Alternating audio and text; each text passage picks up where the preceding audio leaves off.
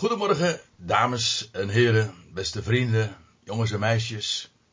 Het is vandaag 12 april 2020, zondag, oftewel het is eerste paasdag. En hoe alles anders kan gaan, dat illustreert eigenlijk ook deze gelegenheid ook wel weer. Want ja, er stond voor vanmorgen tot voor kort, tot voor enkele weken geleden, een samenkomst uh, gepland. De tweede zondag van de maand in Zoetermeer. En we zouden vandaag uh, ja, uh, het extra feestelijk gaan maken. Al was het maar omdat deze dag toch vooral in het teken staat. Al of niet terecht qua kalenderkwestie. Dat doet er nu even niet de zaken. Maar deze dag staat in het teken van het grootste en machtigste feit van de hele wereldgeschiedenis. Namelijk dat even buiten de poorten van Jeruzalem, 2000 jaar geleden, de steen werd weggewenteld voor het graf. En dat daar de zoon van David op de derde dag werd opgewekt.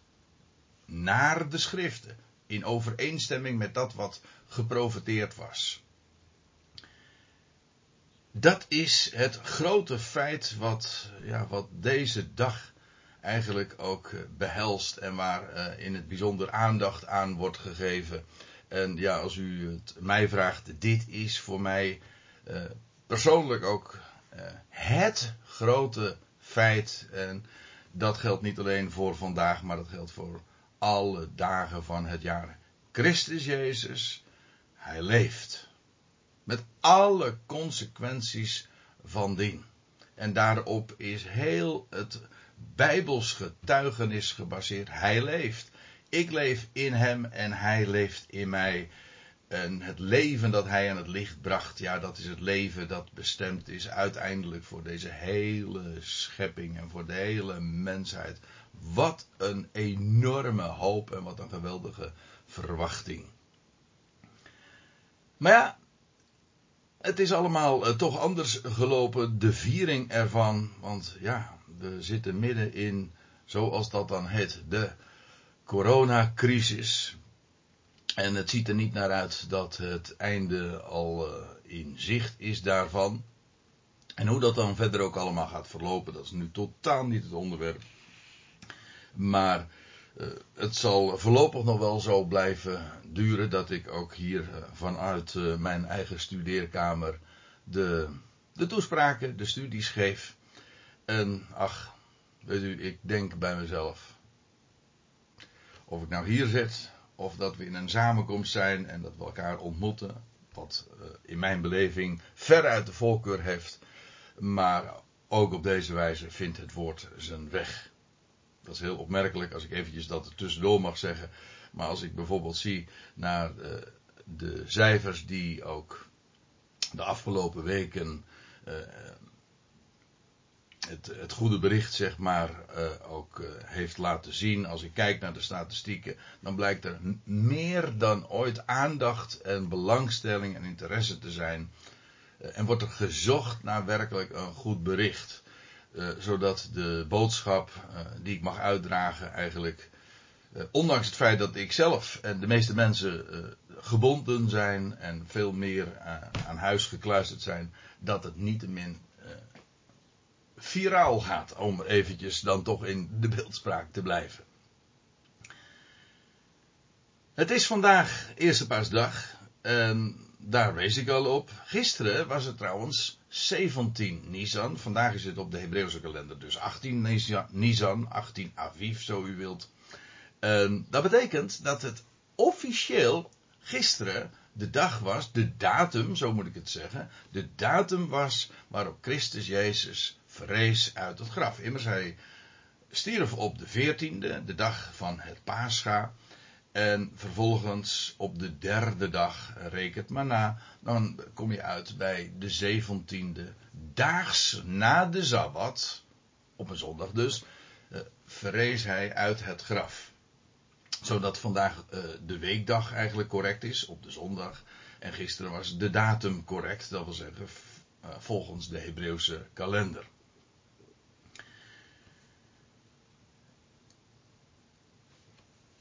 Vanmorgen wil ik doordenken over de geweldige betekenis van, ops, van de opstanding in het algemeen. Maar daarbij ook een, een vraag eens voor het voetlicht brengen. Eigenlijk had ik deze vraag uh, besproken een aantal weken terug op 21 maart. Uh, tijdens het goedbericht, uh, niet weekend, maar het goed, de goedbericht conferentie in Garderen.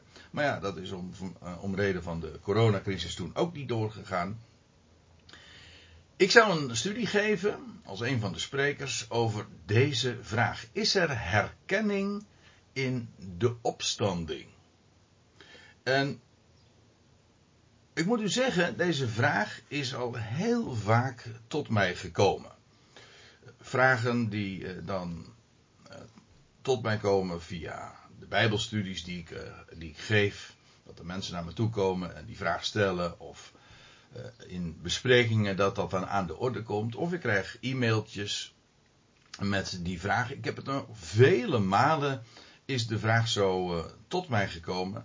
En vanaf het begin, moet ik u zeggen, heb ik het altijd een hele eigenaardige vraag gevonden. Want hoewel ik merk dat de vraag sterk leeft, vandaar dat het iedere keer uh, op je afkomt, moet ik er tegelijkertijd bij zeggen dat het voor mij uh, een zo'n logische en filosofisch gezien, dat is dus geen bewijs, allerminst, met de bonnetjes, de bewijzen kom ik straks, maar al, alleen al vanuit logisch opzicht heb ik het altijd al een hele, uh, ja, min of meer zelfs bizarre vraag gevonden. Want uh, als ik ervan uit zou gaan, of zou moeten gaan, dat er geen herkenning straks in de opstanding is, dan betekent dat dus dat er uh, sprake is van, ja, een soort, als ik het zo mag zeggen, oneerbiedig, dat er een gedrukt is op de delete-knop van het geheugen en alles is uitgewist. Maar is dat het idee wat je hebt bij opstanding? Dat er sprake is van in feite een handicap, geheugenverlies. En eigenlijk om, om nog een reden dat ik dat uh, helemaal niet voor de hand liggend uh, vond of vind, is dat de consequentie van het idee, de consequentie van het betwijfelen of het ontkennen zelfs van herkenning in de opstanding, is dat we onszelf straks dan ook niet zouden herkennen. Als er in de strikte zin, in de meest absolute zin van het woord, geen herkenning is in de opstanding en dat alles wat geweest is en die je gekend hebt ooit in, in het vorige bestaan, als ik dan eventjes een beeld mag gebruiken, ik bedoel het opstandingsbestaan, dat is het bestaan van de vlinder en het vorige bestaan, dat was toen de vlinder nog een rups was. Wel, als de herinnering aan het bestaan van de rups, van uh, ons bestaan hier in de oude schepping, als dat totaal uitgewist zou zijn, dan betekent dat dat ik ook mezelf niet meer zou herkennen. Maar dat betekent uh, dat in feite uh, dat zou inhouden dat ik dat straks in de opstanding daar een look-alike van André Piet is, maar uh, André Piet zelf niet. Want uh, er is geen enkele continuïteit. Degene die daar dan straks in de opstanding zal zijn, die herinnert zich niets meer. Want ja, per slot van rekening, hoe her.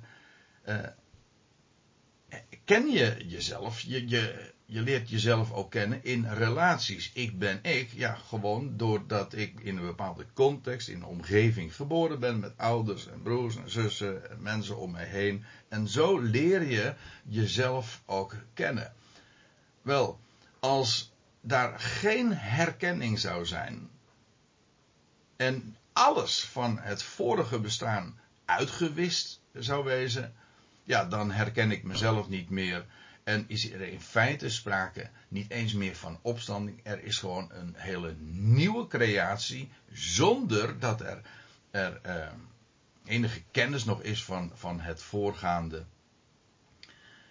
En dat is uh, een, een, een bizarre gedachte, als, als je de consequenties ervan van doordenkt.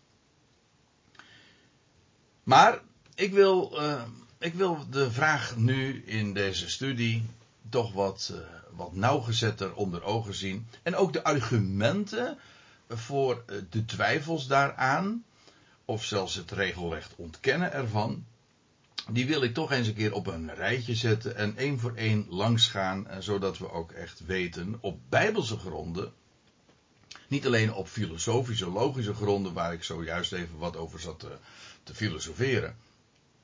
Nee, op bijbelse gronden dat je weet van nee, er is inderdaad herkenning. Laat ik eerst even eh, vier mogelijke antwoorden op deze vraag geven.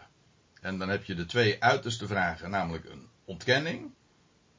En aan de, aan de andere kant van het spectrum een erkenning. En ik kon u al verklappen. Uh, in dat kamp zit ik.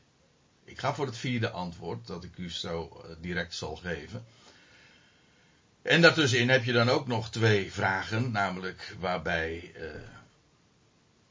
ja, die er eigenlijk tussenin zitten. Tussen ontkenning en tussen het erkennen van herkenning. Nou, laat ik het even uh, naar voren brengen. De het eerste antwoord dat je zou kunnen geven is: er is geen herkenning straks in de opstanding. De argumenten ervoor die, die zal ik straks uh, ook noemen, of dat wat daarvoor zou pleiten. En ik wil dat graag ook dan één voor één eens doornemen en bespreken. Uh, je zou ook kunnen zeggen: we, we weten het niet en we kunnen het ook niet weten. Ook daar worden motieven voor gegeven. En dan is er ook nog een ander punt, en dat is we willen het eigenlijk ook niet weten. En misschien, ik kom daar straks op terug, is dat wel het diepste motief waarom mensen uh, er een vraagteken achter zetten. Uh, achter deze achter de, ja, deze vraag van is er herkenning in de opstanding. Eigenlijk, we willen het niet weten en daarin klinkt door, we hopen dat er geen herkenning is. En waarom men dat hoopt, wel, daar kom ik straks op terug. Maar in ieder geval, eventjes, er is geen herkenning. Antwoord 2, we kunnen het niet weten. Antwoord 3, we willen het zelfs niet eens weten. En dan het vierde antwoord is, er is wel herkenning. Sterker nog, er is veel meer dan alleen herkenning. En wat ik bedoel met dat veel meer, wel, daar komen we aan het einde dan over te spreken. Hier in ieder geval eventjes dus de twee uiterste antwoorden. Antwoord 1 en 4, geen herkenning. En uh, antwoord 4, er is herkenning. En zelfs meer dan dat. En dat wat ertussenin ligt, ja, we weten het niet. Het agnostische standpunt we, we weten het niet en we kunnen het niet weten, we willen het niet weten. Uh, anyway, uh, we weten het niet. Dus, ja. Oké, laten we gewoon eens bij het begin beginnen. De, het eerste antwoord. Het eerste antwoord, er is geen herkenning in de opstanding. Je zou dat kunnen kunnen neerleggen. Je kunt, zou dat kunnen beweren. En, en waar ik dan vooral nu ook geïnteresseerd ben in de motieven die men daarvoor zou kunnen aandragen en die daarvoor zouden pleiten. Het, het eerste argument is heel interessant. Dat is, uh, en daar zit trouwens nog uh, een, een, een, een goed motief in ook. Namelijk, uh, men je zou kunnen zeggen, ja, er zijn meer functies die straks in de opstanding verdwijnen. Dus uh, het idee dan is, en dat is de suggestie die daarin ligt besloten, als er meer functies zijn die verdwijnen, waarom dan de geheugenfunctie niet? Een functie die inderdaad gaat verdwijnen, dat is die van de seksualiteit. Of meer bijbels gezegd, die van het huwelijk. Er staat uh, in, uh, in Matthäus 22, vers 30, waar de Heer Jezus uh, inderdaad heel expliciet spreekt over de opstanding. Daar zegt hij, immers in de opstanding huwen zij niet, en ze worden dus ook niet ten huwelijk genomen, maar ze zijn als de engelen in de hemel. Dat wil zeggen, die huwen evenmin. En dat is dat is een goed argument. Op zich. Want het, het komt erop neer dat er bepaalde functies zijn. Zoals hier in dit geval eh, het huwelijk. En daarmee ook de voortplanting, man en vrouw. Die één worden, één vlees worden. En in, dat, in die samensmelting nieuw leven voortbrengen. Wel, in de opstanding heeft dat zijn functie verloren. Eigenlijk is het zo dat uh, de hele voortplanting te maken heeft met het creëren van nieuw leven. Wel, als de, het nieuwe leven straks heeft aange, uh, is aangebroken in zijn, in zijn volheid, in de opstanding dus. Wel, dan betekent dat het creëren van nieuw leven, ja, inmiddels achter ons ligt. Dus ook dat is, is wel logisch. Ehm, ik ehm, Ik moet er trouwens nog een punt bij noemen. En dat is, uh, kijk, een functie uh, zoals dat van het huwelijk, dat er straks niet zal zijn en dus ook niet uh, de, de, de, voortplanting. er zijn meer dingen die te maken hebben met de oude schepping. Bijvoorbeeld pijn. De pijnfunctie is straks ook voorbij. Er is straks geen moeite meer, geen pijn, geen klagen. Nou, die functie, ik bedoel, pijn heeft een hele nuttige functie in deze oude schepping. Gelukkig wel. Maar straks is dat verdwenen. Het heeft uh, zijn functie gehad. Dat geldt voor een heleboel dingen. Die horen bij een bepaalde tijd. In een bepaalde tijd is iets noodzakelijk of nuttig. En uh, in een latere fase uh, is, dat, is dat ten einde. Ik bedoel, je bouwt een huis en dan eh, staan daar stijgers eh, rondom eh, de woning, rondom het gebouw. En die hebben in die fase een functie, maar als het huis eenmaal compleet is, ja, dan gaan de stijgers weg. Wel, dat geldt ook voor allerlei functies. In feite is het huwelijk en de voortplanting horen daar ook bij. Het hele lijden in deze schepping, ja, dat is in feite een, een tijdelijke functie. En daar moet ik trouwens nog iets bij zeggen, en dat is wel boeiend in dit verband, dat het huwelijk in feite de meest hoogstaande en, laat ik het anders zeggen, de meest intieme relatie is die wij kennen. Een relatie die voortduurt tot de dood, tot de doodscheiding brengt. Wat trouwens ook uh, alweer aangeeft dat de dood in, oh, pardon, het huwelijk een tijdelijke functie is. Uh, het, het, het, vindt zijn vervulling tot aan de dood. Maar dat even terzijde. Het huwelijk al zodanig, daar waar, waar twee mensen, man en vrouw, één worden wel, dat is een zodanige intimiteit die we verder nergens in deze oude schepping kennen. En ik moet erbij zeggen, in de seksualiteit wordt dat beleefd en dat is in feite uh, een van de, de hoogste dingen die een mens kan beleven. Ik bedoel, ik hoef dat uh, verder niet aan te tonen. Dat is een gegeven. In feite, in deze hele oude schepping gaat alles om voortplanting. En om de creatie van nieuw leven en, en om seksualiteit. Dat is uh, het ultieme van de liefde. En toch is het tijdelijk. In feite is het zo dat die creatie van nieuw leven en de intimiteit die daarin wordt beleefd al een vooruitwijzing is naar het nieuwe leven zelf. Alleen hier is dat uh, heel exclusief exclusieve momenten, uh, exclusieve relatie. Straks is in feite de hele nieuwe schepping, dat is een, uh, dat is één groot hoogtepunt. Ik wil daar verder niet banaal over gaan doen en ik wil het, uh, wil het netjes houden in deze studie. Maar eh, de nieuwe schepping, dat is één groot hoogtepunt. En ik bedoel dat helemaal niet in de seksuele zin. Maar ik wil wel zeggen dat uh, wat wij hier kennen in de seksualiteit. En het hoogste wat daarin beleefd wordt. Wel, dat is een, een, een glimps. Een, een, een, een, een glimp van, van wat we straks in de nieuwe schepping zal kunnen kennen. Een glimp. En straks worden alle relaties naar dat hogere niveau getild. Dat is onvoorstelbaar. En zodat uh, de dingen die uh, we hier nog kennen in dat opzicht van, de, van, van het huwelijk en de voortplanting en de seksualiteit, wel, die hebben dan hun functie gehad, maar zullen dan ook tot hun volheid zal uh, gekomen zijn, eens voor altijd.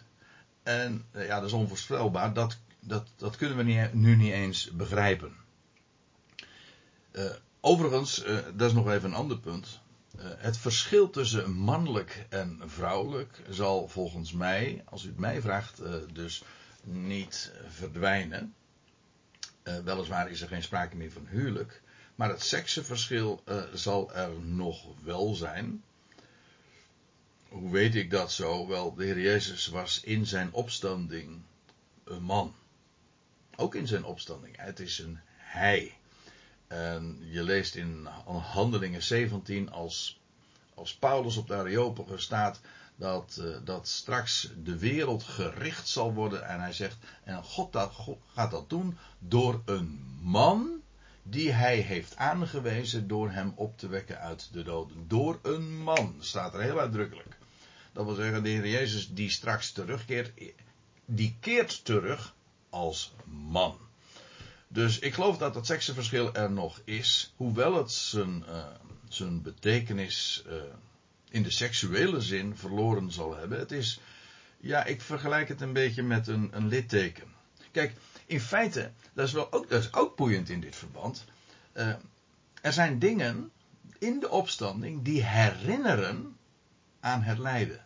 Ik bedoel, de Heer Jezus, die, die gezien wordt in de opstanding die wordt herkend.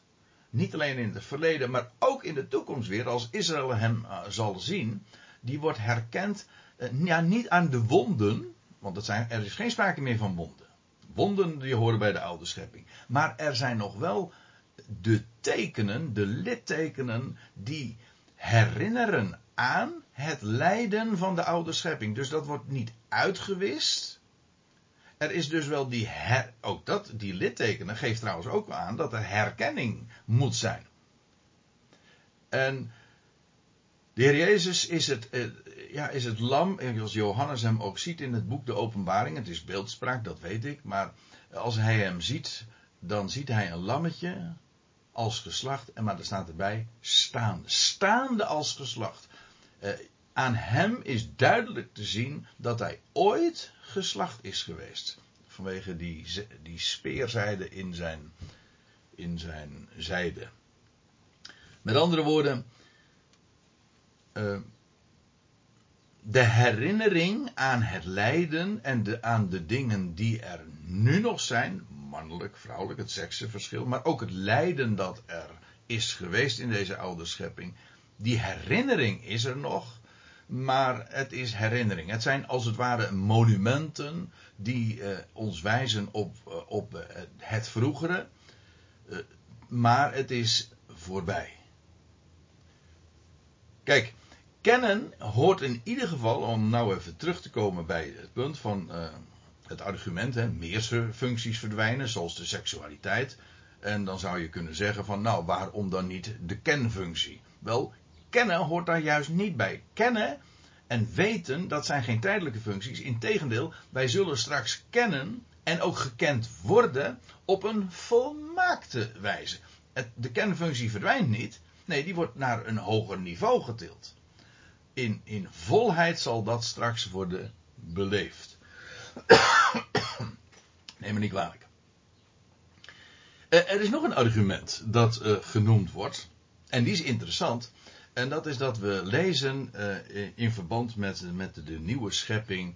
Het staat al in het boek Jezaja. Dat uh, daar staat, zie, Jezaja 65 vers 17, zie ik schep een nieuwe hemel en een nieuwe aarde. Aan wat vroeger was, zal niet gedacht worden. Het zal niemand in de zin komen. En uh, dat wordt als ook als argument genoemd. En dat is een, bijbelse gedachte. En, maar als je natuurlijk, uh, dat moet ik erbij zeggen. Als je even wat nauwkeuriger naar zo'n gegeven kijkt, dan, dan zie je al gauw dat uh, de conclusie die je hieruit uh, dan zou kunnen trekken van, oh, er wordt niet meer aan vroeger gedacht, dus er kan niet meer aan vroeger gedacht worden, dus er zal geen herkenning zijn. Ja, dat is veel te kort door de bocht. Sterker nog, als je goed naar de tekst kijkt, dan wil dat dus zeggen, er zal niet meer aan gedacht worden.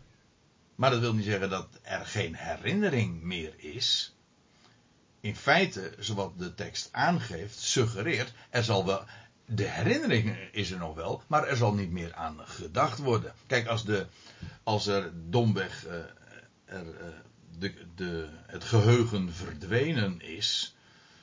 Uh, ik, terwijl ik het zeg, ik had dat eigenlijk in de inleiding misschien al eventjes naar voren moeten brengen toen ik het daarover had. Maar eh, er zijn, ik heb ooit eens een keer een film gezien van iemand die door, vanwege een ongeluk een totaal geheugenverlies had geleden. En de, de persoon die dat beleefde was eigenlijk verschrikkelijk, want die wist A niet wie hij zelf was, maar al de relaties, zijn, zijn, zijn ouders, zijn, zijn, zijn kinderen en al zijn, de mensen om hem heen, hij herkende ze niet. En in feite werd hij na dat ongeluk dus een compleet nieuwe persoonlijkheid. Met geen, enkele, geen enkel draadje meer, geen enkele band meer met, met dat wat er voorheen was. Eigenlijk is dat een, een drama. Want het betekent gewoon dat iemands identiteit compleet verdwenen is. Maar goed, dat nog eventjes uh, uh, hoe dramatisch het kan zijn als je geheugenverlies leidt. En, en wat in Jezaja 65 genoemd wordt, is niet dat er sprake zal zijn van geheugenverlies. Nee, de herinnering zal uh, er nog wel zijn, maar er zal niet meer aan gedacht worden. Er is trouwens nog een, een heel uh, mooie bijbelse uh, notie die ik daarin zou willen brengen. want iets soortgelijks wordt namelijk gezegd in Johannes 16, als de Heer Jezus vlak voor zijn sterven trouwens, in de opperzaal is dat, als ik me niet vergis, of in ieder geval dat ze op weg zijn naar de tuin op de, op de Olijfberg, het Semene.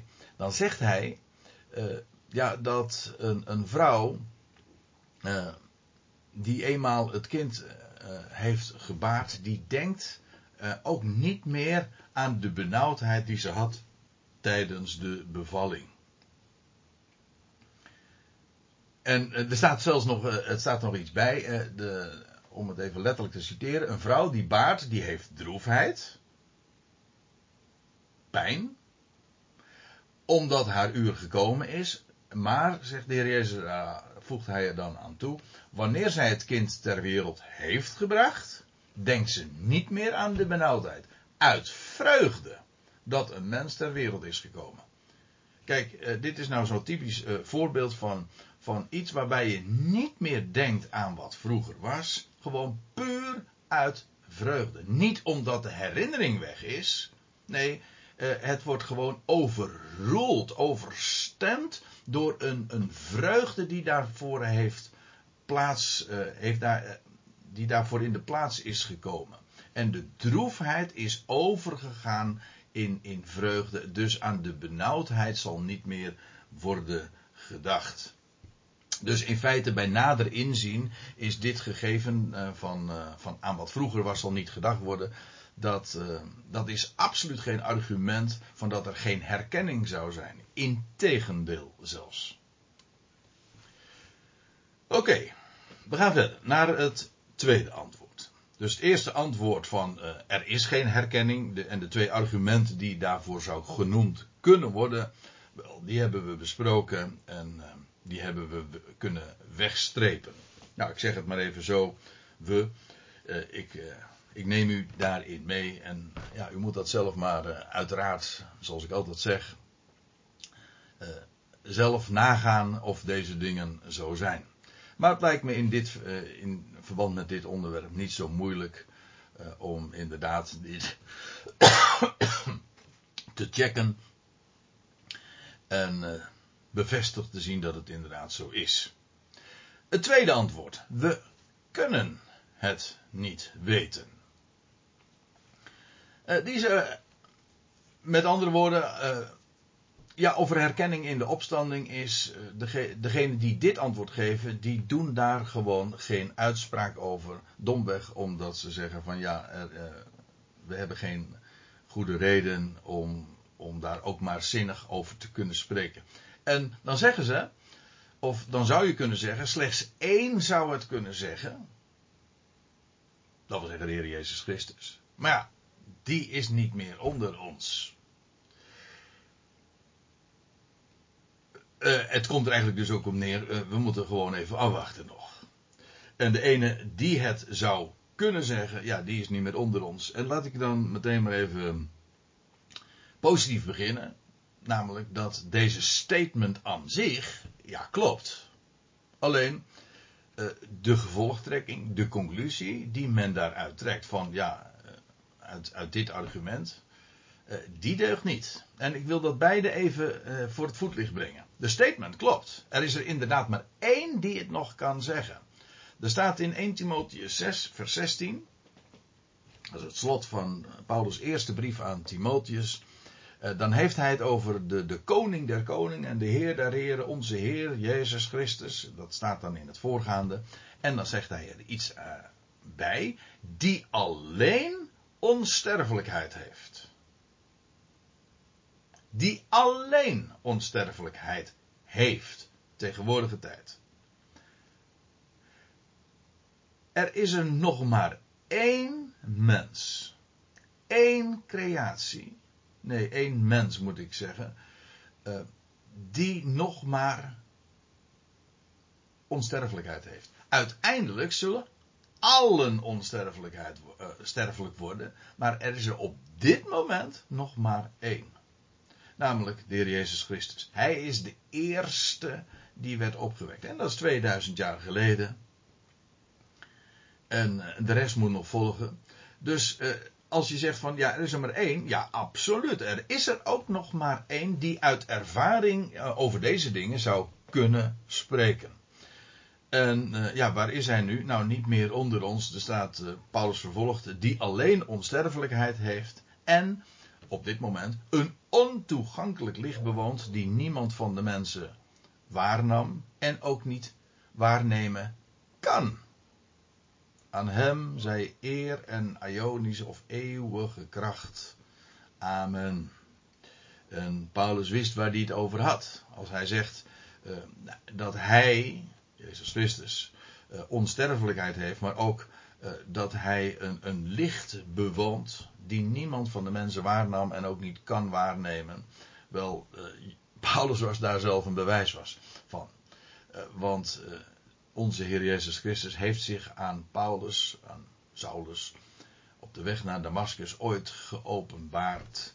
En toen zag hij hem en tegelijkertijd dat hij hem zag, werd hij ook verblind. In een licht zo enorm groots en zo sterk dat de ogen dit, eh, deze ogen dat niet kunnen verdragen. Het is een ontoegankelijk licht. En ja, dat is uh, waar onze Heer Jezus Christus nu woont. En ik moet erbij zeggen dat zoals Hij nu is, zo zullen wij straks zijn. Apostel Johannes zegt ook iets dergelijks in het derde hoofdstuk van zijn eh, eerste brief. Dat gelijkerwijs Hij nu is, wij straks zullen zijn. En Paulus zegt ook in Filippenzen 3 dat wij straks in de opstanding uh, gelijkvormig gemaakt zullen worden. Ik zeg het even in mijn eigen woorden nu. Gelijkvormig zullen worden gemaakt aan het lichaam van zijn heerlijkheid. Dat wat hij nu heeft, zullen wij straks ontvangen. Moet er trouwens ook bij zeggen dat dat lichaam ook zich op diverse wijze kan manifesteren. Op, de, op deze aarde heeft de Heer Jezus zich aards gemanifesteerd. En, maar toen hij eenmaal in de hemel was en zich openbaarde aan Saulus op de weg naar Damascus, was dat in een ontoegankelijk licht die geen van de mensen kan waarnemen. Vandaar dat Paulus dus inderdaad blind werd. Dus ja, de statement klopt. Er is er maar één die het kan zeggen. En hij is niet meer onder ons. Maar, en nou komt het punt. Van deze ene weten we dat hij in zijn opstanding absoluut wel herkende.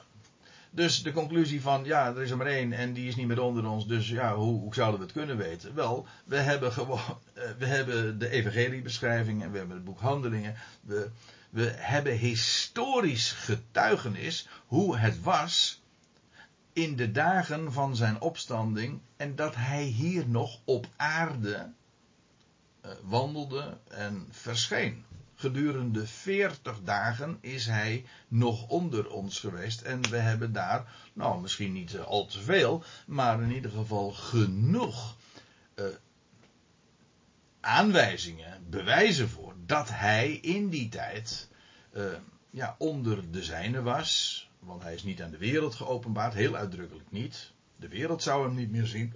Maar hij, is geopen, hij heeft zich geopenbaard aan de zijnen. Aan heel wat mensen moet ik erbij zeggen. Aan de twaalf en, al de apostelen. En een keertje zelfs aan 500, meer dan 500 broeders tegelijk. Zoals Paulus daarover spreekt in 1 Korinthe 15. Maar uh, wij weten inderdaad dat hij uh, in zijn opstanding wel degelijk degenen uit het, uh, die hij voorheen kende, toen ook kende. En herkende dus. De, ja, ik zal maar een paar argumenten noemen. Misschien ten overvloede, want eigenlijk, ja, als je enigszins op de hoogte bent van de geschiedenissen in verband met de opstanding, dan weet je dit, dan ken je dit. Uh, hij, de eerste die hij ontmoette, uh, vroeg in de ochtend, daarbij het graf, was Maria Magdalena. Die dacht dat het de tuinman was die, die achter haar stond. En dan zegt de Heer Jezus zijn naam. Of haar naam. Hij, hij, noemt haar, hij zegt Maria. En hij zegt dat zodanig dat Maria meteen wist, in één oogopslag, nee, zelfs zonder te kijken, aan de wijze waarop hij haar noemde, haar naam noemde, wist ze meteen, dit is hem. Dit is hem. Maar wat nu even om gaat, de Heer Jezus kende haar. Hij herkende haar. En vervolgens, zij herkende hem ook. Uh, hetzelfde geldt voor die geschiedenis van Thomas. Als de Heer Jezus dan uh, een week later verschijnt en Thomas is er eindelijk ook bij. En die was nog ongelovig. En die, uh, in, en die had gezegd van ja, als ik niet eerst dat zelf met mijn eigen ogen zie en met mijn handen in ook, ook tast. Wel, de Heer Jezus wijst hem er ook op en, en, en, herinnert hem aan, aan de uitspraken die hij eerder had gedaan. En zegt van nou, kom aan, kom aan. En Johan, of Thomas hoefde het niet eens meer te doen. Hij was in één keer helemaal om. En uh, tenslotte nog, nog een derde argument. Er zijn er veel meer hoor, maar dit, uh, ik, ik noem nu een paar argumenten alleen al uit het Johannes-evangelie. Dat uh, dat wanneer het gezelschap van de discipelen eh, daar in Galilea is en dan in de nacht gevist heeft. En dan houden ze maaltijd met elkaar. En dan is het de heer Jezus die Petrus herinnert aan uitspraken die hij had gedaan. Hij had gezegd van, al zullen allen u verlaten, ik geen zins.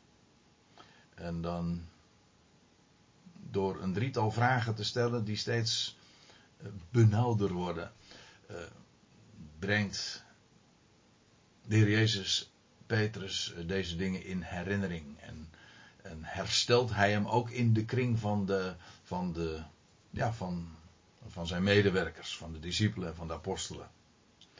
Want ja, hij had niet alleen maar gezegd van. Uh, al zullen u, alle u verlaten, ik geen zins. Hij had zich uh, daarmee, hij had daarmee ook een, een uitspraak gedaan over de ander en zich uh, verheven gevoeld boven de anderen. An, anderen misschien wel, maar ik niet. Wel, dat moest rechtgezet worden en hier wordt dat ook in dit gezelschap rechtgezet.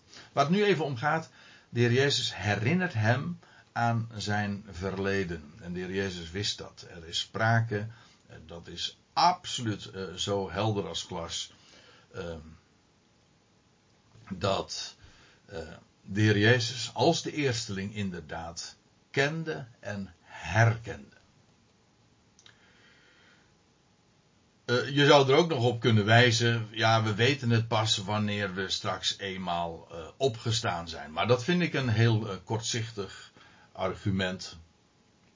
slechts heel oppervlakkig zou je dat kunnen denken van ja, hoor eens eventjes, hoe zouden we daar uitspraken over kunnen doen? We komen er straks vanzelf wel achter. En uh, we moeten gewoon even geduld hebben. Tot die tijd moeten we onze mond daarover houden. Dat klinkt heel bescheiden. Van nou, we weten het niet en we kunnen het niet weten. We moeten gewoon even afwachten. Dat klinkt uh, bescheiden en geduldig. In werkelijkheid is het uh, onnodige onwetendheid. Dat zie je wel vaker dat mensen zeggen van. als daar dan een moeilijke vraag voor voorgelegd wordt. En dan met, meteen eh, in een bepaalde stand schiet van, oh dat kunnen we niet weten. Ze hebben het nooit onderzocht. Ze hebben nooit de vragen in serieus overwogen en de schriften erop nageslagen. En meteen zeggen we, ja dat weten we niet. Of, ah dat is een mysterie en daar kunnen we geen uitspraak over doen. Dat, zoiets kun je pas zeggen wanneer je dat eerst hebt onderzocht. En uh, dat geldt in dit geval ook.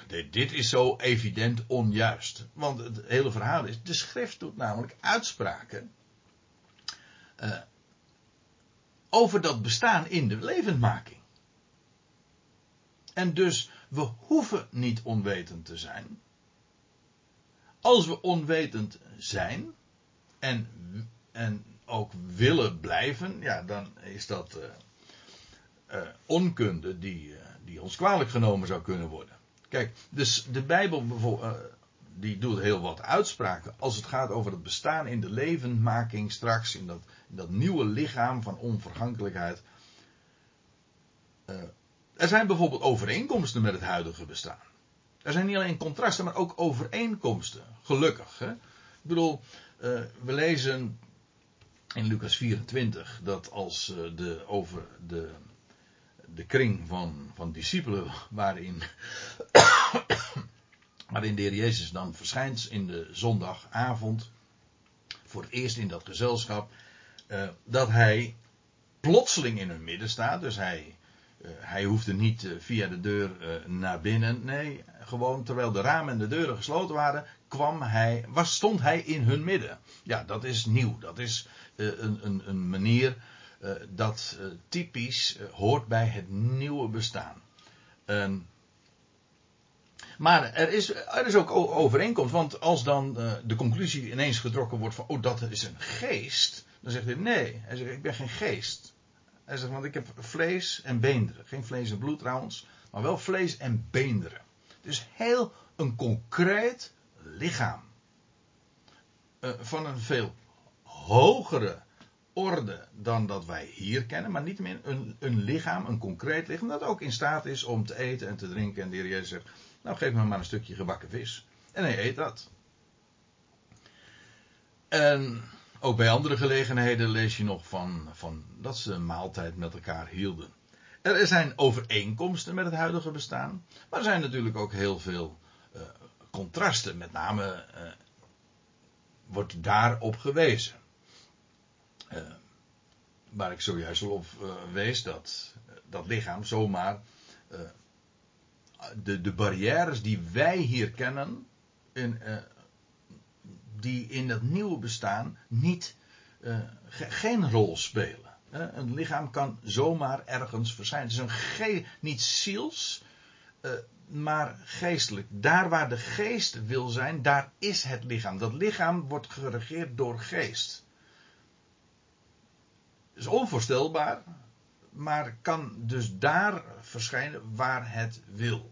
Ik kan daar verder eigenlijk ook niet zoveel over vertellen. Uh, maar dat is iets wat je gewoon uh, vanuit de schrift kunt vaststellen. Uh, er, is nog een, uh, er zijn nog grote verschillen. Eén, Paulus gaat daar vrij uitgebreid op in, in 1 Korinthe 15, als hij het heeft, over de hoedanigheden van dat lichaam in de levendmaking.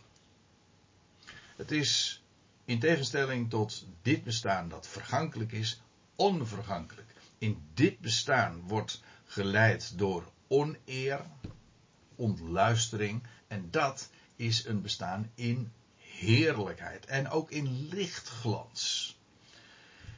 Dit bestaan is in zwakheid en trouwens ook in afnemende krachten. Het is niet alleen maar dat er een eindpunt aankomt, maar de, het proces er naartoe is er een van langzaam doodgaan. De krachten, de vitaliteit neemt af totdat uh, de laatste adem wordt uitgeblazen. Zo gaat het uh, doorgaans. Afnemende krachten. Dat bestaan, dat is pure energy, pure power. Echt zo energetisch waar we nu nog ons geen voorstelling van kunnen vormen. Nou, wat ik bedoel te zeggen is, wij kunnen wel degelijk weten over hoe dat bestaan in de opstanding is. Tot op zekere hoogte. En in hoeverre we daar een voorstelling van kunnen vormen. Ja, dat is heel beperkt. Maar de schrift, en dat is de, de, eigenlijk waar het uh, op neerkomt. De schrift doet mededelingen over het bestaan in de levendmaking. Overeenkomsten, maar ook de verschillen, de grote contrasten. En dus kunnen wij dat gelovig naspreken en wij weten het dus ook.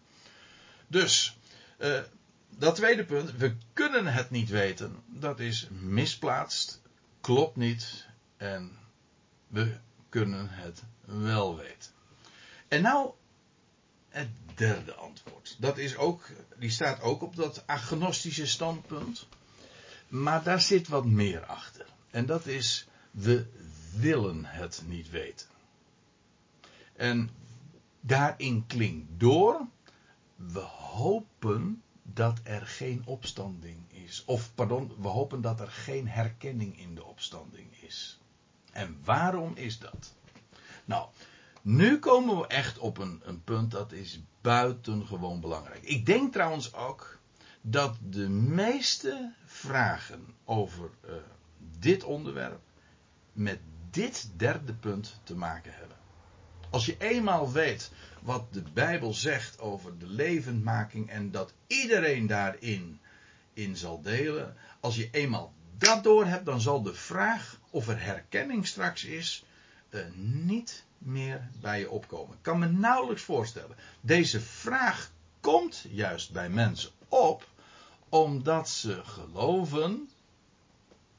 Uh, ja, of dat men ervan uitgaat, dat is wat de veronderstelling is.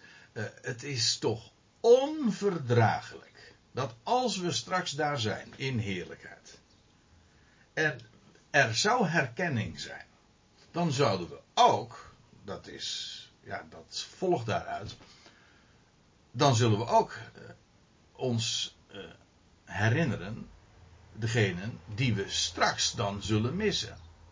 En het hele idee wat hiermee uh, van doen heeft, dat is echt een afschuwelijke misvatting. Ik ga het nog sterker zeggen. Degenen die dit zo denken, die kennen het evangelie feitelijk nog niet. Het evangelie is namelijk de boodschap dat de dood is overwonnen. Dat is verleden tijd. 2000 jaar geleden is de dood overwonnen. Decision Day. Maar de eersteling heeft het leven aan het licht gebracht en heeft de dood overwonnen. Maar dat is een garantie dat de dood zal, zal worden teniet gedaan. Dat betekent er zal geen dood meer zijn. Allen zullen zijn levend gemaakt. Zoals in Adam allen sterven, niemand uitgezonderd. Zo zullen straks in Christus allen, alle mensen worden levend gemaakt. Als je dat niet kent en je hebt dat, dat traditionele religieuze idee van, uh, van ja, er zijn twee wegen een eeuwig wel, een eeuwig wee. Men heeft geen idee van wat eeuwig is. Maar eh, het betekent dan eh, dat er straks eh, Jezus Christus keert terug. de jongste dag zegt men dan. Klopt ook al niet op die manier. Maar goed, eh, dan zijn er eh, twee toekomstbestemmingen. De ene is God. Eh, die zullen opstaan in heerlijkheid. En de anderen die worden verdoemd. Er zijn trouwens ook nog varianten op. Want dat kan bewust zijn. Uh, een, een, eeuwige hel van pijniging en van, van wroeging en van verdoemd zijn. Stel je voor dat er straks, en daarom begrijp ik de vraag uh, toch ook wel. Uh, namelijk, als je het evangelie niet kent en je, en, en, en, en, je heeft, en je denkt na over de opstand, dan hoop je eigenlijk er zal geen herkenning zijn. Want ik kan het niet verdragen dat, dat, dat mijn, mijn vader of mijn moeder, die uh, niets van God wilde weten, of, of misschien een kind, of andere mensen die mij lief zijn, en ik zou daaraan denken, dan zou dat een smet werpen op de heerlijkheid die ik dan zou hebben. Dan zou ik, sterker nog, als je iemand echt lief hebt, dan kun je het niet verdragen dat die ander in lijden is en dat dat zelfs hopeloos is. Want dat is misschien nog wel het ergste. Het gaat er niet alleen maar om dat er dan dat die ander in lijden is en, en, en in pijn en moeite, maar dat het nooit meer goed komt. Hoe zou je straks ooit nog een, hap door je keel kunnen krijgen? En hoe zou je ooit nog kunnen genieten en blij kunnen zijn als je er altijd aan zou kunnen terugdenken? Die persoon die ik lief had, die mis ik. En die is nu verdoemd. En daar komt het nooit goed meer mee. Dan hoop je dat er geen herkenning is. Dan hoop je gewoon dat, uh, dat God uh, uh, op een, een delete-knop drukt en zegt van dat is allemaal voorbij. Dat dat een onmogelijkheid is, ja, dat klopt. Hè, want het leidt, waar we het al eerder over hadden, tot, tot bizarre consequenties. Maar ik, dit maakt het misverstand of de vraag wel heel begrijpelijk. Maar nogmaals, het, het berust op onkunde. Onkunde, je bent dan onwetend over het evangelie. Want het evangelie, laat ik daar heel duidelijk over zijn. Het evangelie is de boodschap dat de dood wordt teniet gedaan. En elke boodschap. En ik weet wat ik zeg hoor.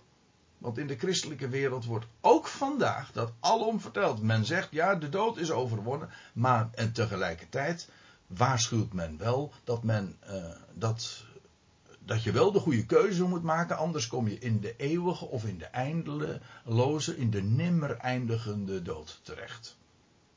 Hoe, hoe, men zich dat dan ook voorstelt, als bewust of onbewust, dat doet nu even niet de zaken. Maar het idee is in een eindeloze dood. Het hele idee van een eindeloze dood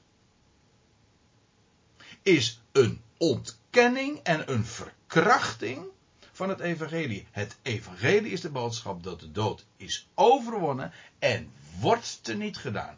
En hoe wordt de dood teniet gedaan? Door alle mensen levend te maken.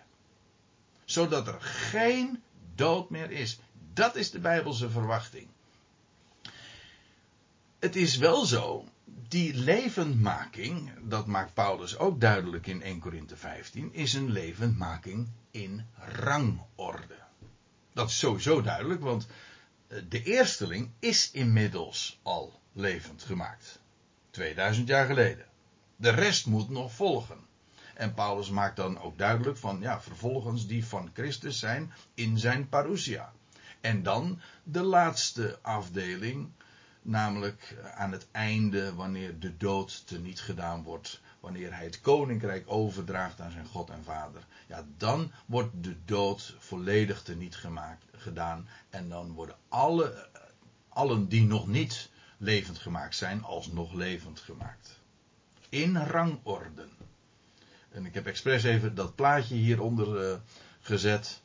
Van allemaal van die typische lenteplaatjes die iets illustreren over uh, hoe nieuw leven zich ook manifesteert uh, in rangorde. Wij kennen dat verschijnsel ook heel goed. Ik bedoel, in, in februari of in januari al zie je, de, zie je sneeuwklokjes.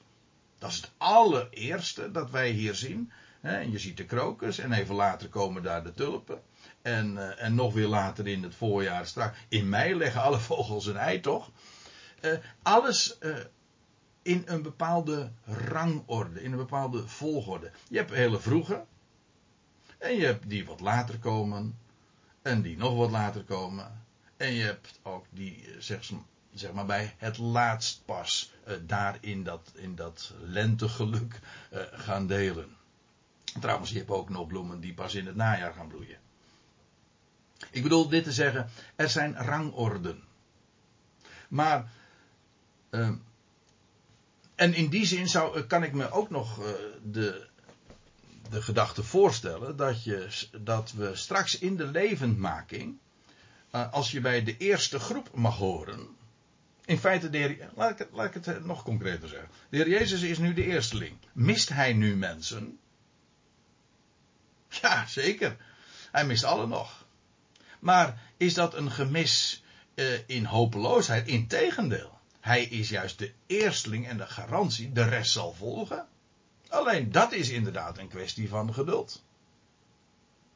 Dus het idee van gemis in de opstanding is niet onterecht. Maar dat is niet uh, het gemis van, oh, die ander is er niet en komt er ook nooit. En die ander is verdomd en daar is het hopeloos meegesteld. Elk idee van hopeloosheid, van iets wat nooit meer goed zou komen, is vreemd aan het evangelie. Dat is geen evangelie. Dat is een slecht bericht, geen goed bericht. En straks ook, als wij straks uh, zullen zijn levend gemaakt, en ik ga ervan uit als dan straks de, binnenkort uh, want het zal allemaal niet zo lang meer duren. Maar goed, uh, dat is nu het onderwerp niet. Dan zal de bezuin klinken en dan zullen wij worden weggerukt. En dan, ja, dan, uh, dan zullen we velen ook uh, ontmoeten en herkennen, absoluut. Maar dan zullen we ook nog velen missen. Vele geliefden, mensen die we kenden, die, die ons dierbaar waren, die zullen we missen. Maar dat is een gemis in hoop en verwachting, want we weten, die komen. Die komen later. Dus ook in de opstanding, in eerste instantie, totdat God alles in allen is, tot die tijd is er ook in de opstanding nog steeds ook hoop en verwachting. Jazeker. Namelijk dat allen uh, in die heerlijkheid gaan delen. Ieder in zijn eigen rangorde. Hoop en uitzicht. Nou, nou kom ik bij het allerlaatste punt. En dat is, er is veel meer dan herkenning. Dat er herkenning is, ja, dat hebben we inmiddels wel gezien en vastgesteld. Maar wat ik nu ga vertellen is, er is nog veel meer dan herkenning. Het, het, het, de logica hiervan is ons toekomstig kenvermogen zal het huidige kenvermogen ver overtreffen. En, en wat ik met veel meer bedoel is dit. Wij zullen straks velen herkennen, tussen aanhalingstekens, want ik weet niet of het woord herkennen dan nog op zijn plek is, maar we zullen velen herkennen terwijl we ze zelfs nog nooit gezien hebben. Kijk, bij herkenning is het zo van, oh die heb ik eerder gezien en die herken ik. En dan spreek je ook inderdaad over herkennen. Maar wij zullen straks mensen tegenkomen die we nog nooit hebben gezien en die we toch kennen. En ja, herkennen, want ze, ze ze waren bekend vroeger alleen niet bij ons. Maar wij zullen ze dan zomaar, zonder dat ze een naambordje hoeven te dragen of een badge dragen. Nee, wij zullen ze herkennen. En dat bedoel ik ook met dat kenvermogen. Dat straks zoveel meer zal zijn. Het, het huidige kenvermogen zal overtreffen. En zal ik daar een mooi voorbeeld van geven? Van iemand die we zullen herkennen. Terwijl we hem nog nooit gezien hebben. Ja. Uh, de eerste die we straks gaan ontmoeten. En die we in één klap zullen herkennen. Of bij één bazuinklank zullen herkennen. Dat is onze Heer. Hebben we hem ooit gezien? Ik niet. En u ook niet. Want de laatste die hem gezien heeft, dat is ooit Paulus. En straks zullen we hem ontmoeten. En we zullen hem in één keer herkennen, zonder dat we hem ooit hebben ontmoet. Uh, zonder dat we hem ooit hebben gezien. En uh, ik uh, moet u zeggen, als je dat eenmaal gaat beseffen, ja, dan lijkt het me ook helemaal niet vreemd om eraan te denken dat we straks mensen zullen treffen, dat we straks Abraham zullen zien, of Mozes, of nou ja, noem maar bekende namen voor ons. En we zullen ze straks treffen en we zullen, meteen, we zullen ze meteen herkennen. En het doet mij een beetje denken aan uh, het vermogen dat, Abraham, pardon, dat Adam had voordat hij had gegeten van de verboden vrucht. Uh, toen had hij ook bepaalde vermogens, die nog veel minder zullen zijn trouwens dan, die veel minder waren dan het vermogen in de opstanding. Maar niettemin, hij, hij was bijvoorbeeld, hij was bekleed met licht, geloof ik. Kan dat nu even niet zo uh, in één zinnetje of in twee zinnen even aantonen. Maar ik geloof dat hij inderdaad bekleed werd met licht. En op het moment dat hij en zijn vrouw hadden gegeten van die verboden vrucht, dat ineens dat lichtkleed wegviel en dat ze naakt waren. Maar ehm, voordat, voordat zij hadden gegeten van die verboden vrucht, dan lees je dat Adam het vermogen had om dieren bij hun naam te noemen. Hij kende hun naam terwijl ze nog niet eens een naam hadden. Dat is wat. Nou, dat ik geloof dat we dat straks ook uh, uh, zullen beleven. Dat wij, dat we de ande, anderen die we nog nooit eerder hebben gezien, dat we ze toch zullen herkennen. En ja, waar, we, waar ik nu zo een, ruim een uur over heb, uh, heb gesproken en wat bijbelse lijnen heb uh, proberen te, te, tonen en, en wat uh, bijbelse argumenten naar voren heb willen brengen. wat, wat dit alles toch duidelijk maakt is dat wat ons wacht, beste mensen, is zo glorieus, zo enorm, onovertroffen, groots. En wat een enorme hoop en verwachting. Dit bestaan, ja, dat, uh, dat lijkt enigszins op het, het wat. en het beste, laat ik het zo zeggen. Het beste wat we hier hebben, dat is een. Dat is een zwakke afspiegeling van de grote volmaaktheid van de nieuwe schepping.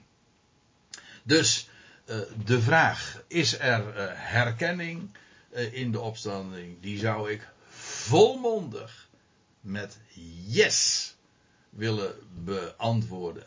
En zelfs nog veel meer dan dat. En de, dat uitzicht dat we hebben is zo groot.